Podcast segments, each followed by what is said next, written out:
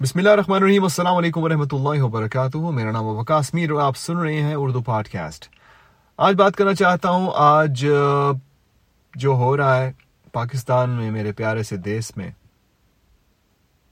جہاں پر چور، ڈاکو، لٹیرے دوبارہ اقتدار میں آ رہے ہیں۔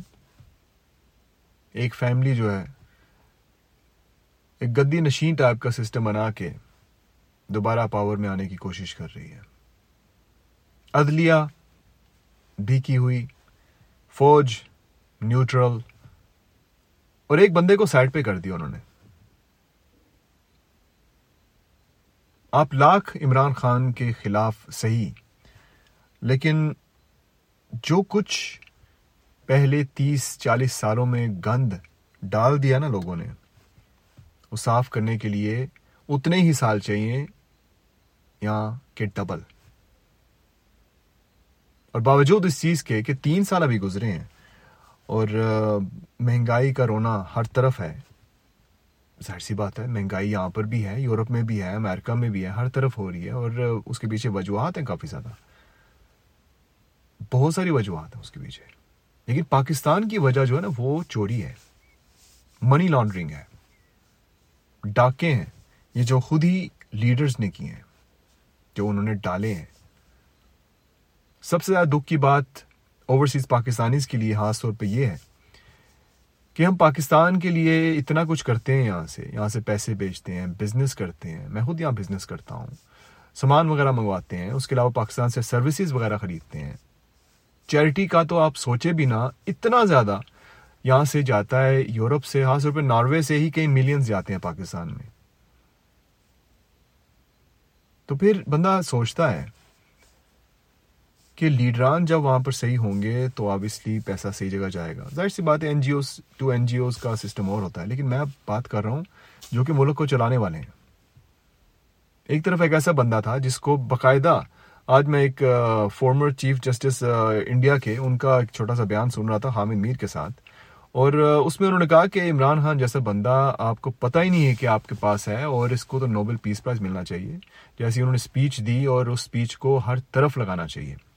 اور حامد میر آگے سے تنزیہ قسم کی اچھا اچھا ایسے کر کے بات کر رہے۔ تو میں سوچ رہا تھا کہ ویسے کتنی کتنی گری ہوئی حرکت ہے اور کتنے عجیب قسم کے لوگ ہیں ہمارے۔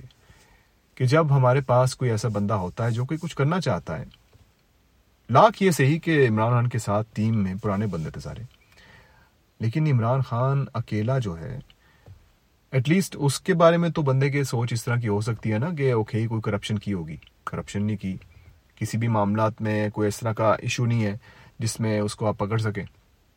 تبھی تو وہ نڈر ہو کے آگے سے یہ کہتا ہے نا کہ دیکھتے ہیں آپ میرے خلاف کیا نکال سکتے ہیں۔ کون سا کیس نکال سکتے ہیں؟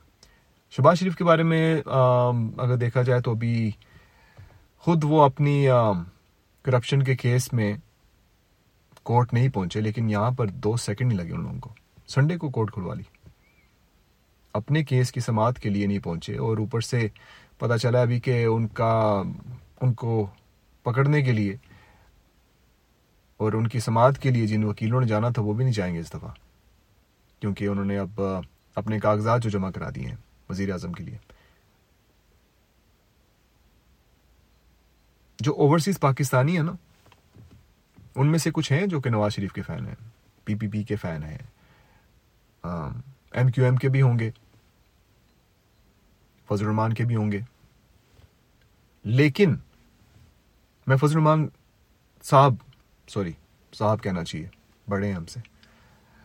لیکن مولانا ساتھ نہیں لگاؤں گا میں۔ جو شخص دین کا لبادہ اوڑے ہوئے رمضان کے مہینے میں کرسی کے پیچھے بھاگے۔ نماز کے ٹائم میں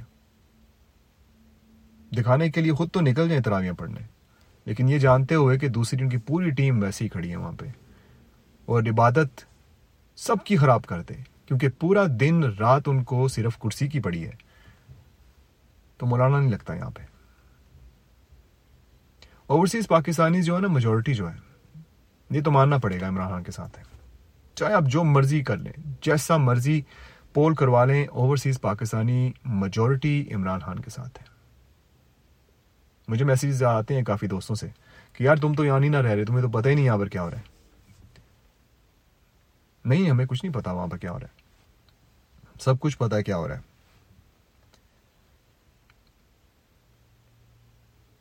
میری دعا ہے اللہ تعالیٰ سے کہ ہمیں نیک بنائے، خاص طور پہ جو وہاں پر اس وقت رہ رہے ہیں۔